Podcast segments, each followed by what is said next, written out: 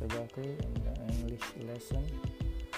And today we are going to learn about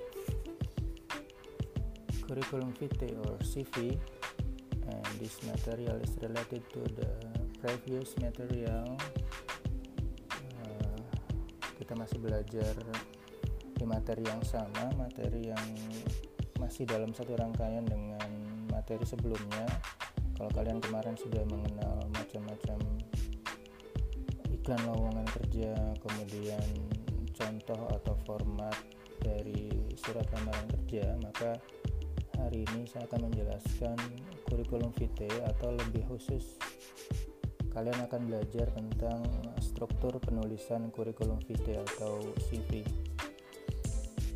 sebelum uh, penjelasan lebih jauh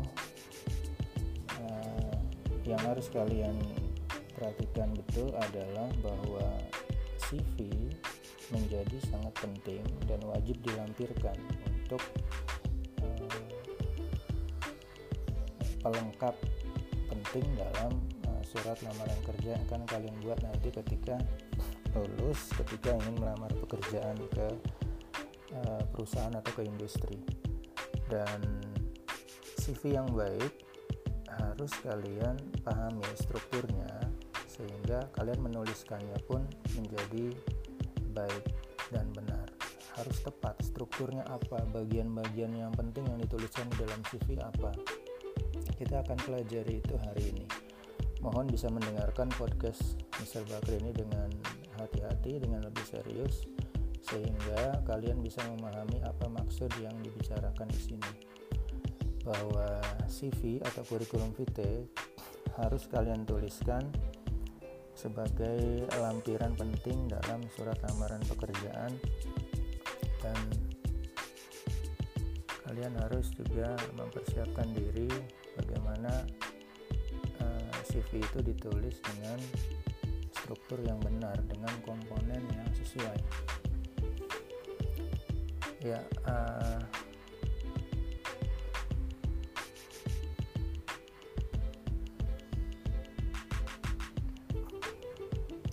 CV atau kurikulum vitae setidaknya mempunyai tiga komponen utama atau tiga struktur utama yang harus kalian muat informasi di dalam CV tersebut.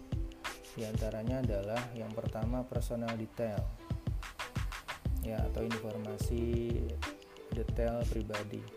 Kemudian yang kedua adalah education background atau latar belakang pendidikan kalian lalu yang ketiga adalah uh, training atau workshop experience pengalaman uh, mengikuti pelatihan atau workshop.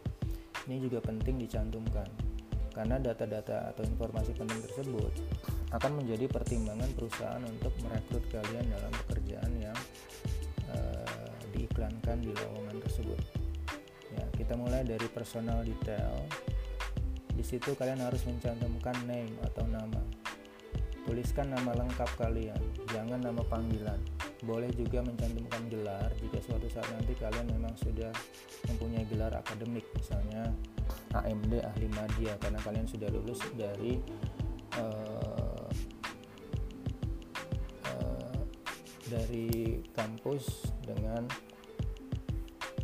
uh, strata D3 misalnya atau S1 kalian bisa tuliskan di sini misalnya SE sarjana ekonomi atau apa pun itu gelar strata S1 data yang berikutnya adalah place and date of birth. Tempat dan tanggal lahir juga harus kalian cantumkan apa adanya sesuai dengan uh, fakta yang kalian uh, alami. Kalau memang lahir di Jakarta tulis Jakarta tanggal dan bulannya berapa Oke, kalian bisa melihat juga contoh yang sudah saya upload di Google Classroom, sebuah CV uh, eh, dari seorang alumni atau lulusan SMK. Mungkin itu bisa menjadi pembanding uh, contoh yang bisa kalian tiru. Kemudian data berikutnya dalam personal detail adalah address atau alamat.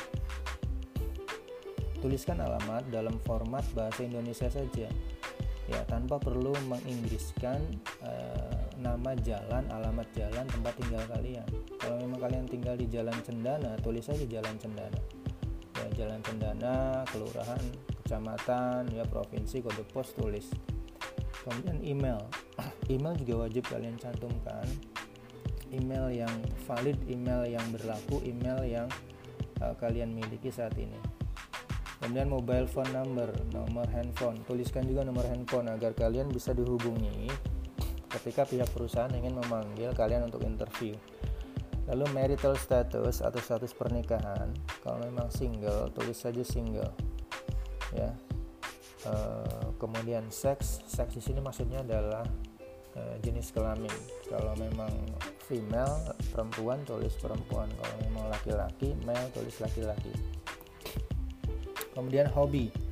Hobi atau uh, kebiasaan-kebiasaan baik ya yang kalian lakukan di waktu luang. Misalnya reading membaca atau misalnya listening to music mendengarkan musik dan lain sebagainya. And then yang tidak kalah penting dalam informasi personal detail kalian juga harus mencantumkan special qualification. Kualifikasi khusus atau kemampuan khusus. Kemampuan yang kalian rasa kalian bisa melakukan itu. Ya jadi di sini kalian akan diminta eh, untuk jujur mengakui dan dengan percaya diri. Kalian tuh mampunya apa sih? Ya dalam diri kalian kemampuan diri kalian itu mampunya apa? Ya misalnya good interpersonal skill. Kalau memang kalian merasa kalian bisa uh, berkomunikasi dengan baik dengan orang-orang di sekitar, orang-orang yang baru Anda kenal, itu berarti kalian punya interpersonal skill yang bagus. Lalu misalnya literate computer dan internet basic program. Kalau memang kalian paham dengan komputer dasar, internet dasar, tuliskan saja. Kalian sudah belajar di sekolah misalnya bagaimana di mata pelajaran simulasi uh, komunikasi digital, SimComD ya. Belajar komputer, Office, Word dan lain sebagainya tuliskan kalian memang punya kemampuan itu dan excellent spirit and high motivation kalau memang kalian punya semangat yang bagus semangat yang besar untuk mengerjakan pekerjaan tersebut and high motivation dan punya motivasi yang tinggi tuliskan saja. Kalian harus percaya diri ya bahwa orang melamar kerja itu adalah orang yang sangat membutuhkan pekerjaan tersebut. Dan kalian harus antusias harus percaya diri dan termotivasi untuk menerima pekerjaan itu and then flexible and dynamic misalnya.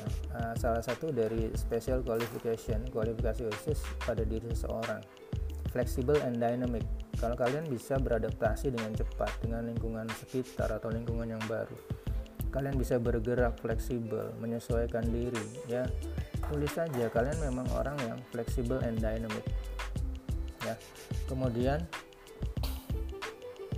Selain personal detail, kita lanjut ke bagian struktur penulisan CV eh, berikutnya yang juga wajib dituliskan di dalam CV. Ada yang namanya education background. Ya, jangan lupa ini penting karena eh, latar belakang pendidikan kalian secara rinci belum tertulis pada surat lamaran kerja. Dan itu harus dituliskan lebih detail, lebih rinci di dalam CV atau curriculum vitae ya. Misalnya uh, rentangan waktu tahun sekian sampai tahun sekian. Kalian uh, bersekolah di SD mana? Lalu rentangan waktu berikutnya tarik lagi mundur ke belakang. Kalian ada di sekolah mana? Tuliskan. Ya untuk lebih jelas contohnya bisa kalian lihat di uh, Google Classroom. Kalian bisa download satu lembar file uh, dengan nama Simple English CV Model. Saya menuliskan contohnya di situ and then uh, bagian struktur penulisan CV yang berikutnya yang juga penting harus dituliskan adalah training or workshop experience pengalaman workshop atau training. Ini juga penting kalian tuliskan. Di rentangan bulan apa tahun berapa kalian melakukan atau mengikuti training tersebut tuliskan saja ya misalkan di bulan Januari sampai Februari kalian mengikuti prakrin. Prakrin itu bahasa Inggrisnya istilahnya on the job training. Di mana kalian uh, eh, PKL tuliskan. Lalu di uh, bawahnya kalau memang ada tambahan kalian pernah training apalagi ya tuliskan saja. Oke? Okay? uh, eh, itu kira-kira penjelasan saya tentang struktur penulisan CV atau curriculum vitae. Ingat bahwa CV ditulis harus sesimpel mungkin, harus sejelas mungkin. Ya, tidak perlu bertele-tele menuliskan hal-hal yang uh, tidak ada kaitannya, tidak ada tidak ada hubungannya dengan uh, pekerjaan kalian. Karena uh, sebenarnya informasi-informasi yang sifatnya pribadi atau sangat-sangat privacy itu pun uh, suatu saat akan diketahui oleh si perusahaan. Bahkan di awal pun akan diketahui oleh perusahaan melalui fotokopi KTP yang kalian lampirkan. Ya, misalnya di dalam salah satu personal detail, kenapa saya tidak mencantumkan uh, kolom keterangan agama atau religion? Tidak perlu cantumkan di dalam CV karena ketika kalian melamar, kalian melampirkan fotokopi KTP, di KTP itu ada tertulis agama kalian.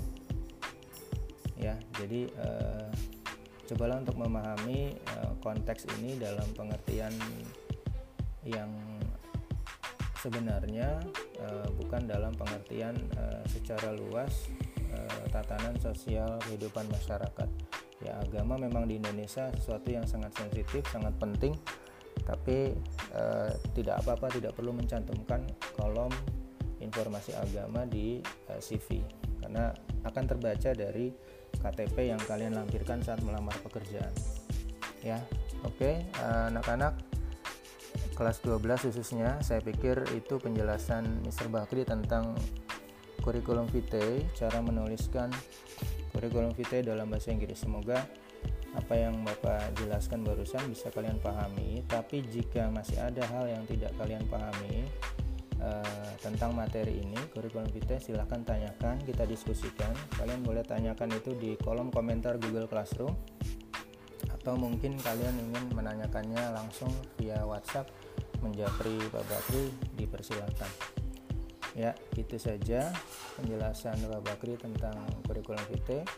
Terima kasih semoga kalian tetap dalam kondisi yang sehat walafiat tetap uh, patuhi protokol kesehatan untuk mencegah penularan wabah COVID-19 ya. Sampai ketemu lagi. See you and bye bye thank you. Assalamualaikum warahmatullahi wabarakatuh.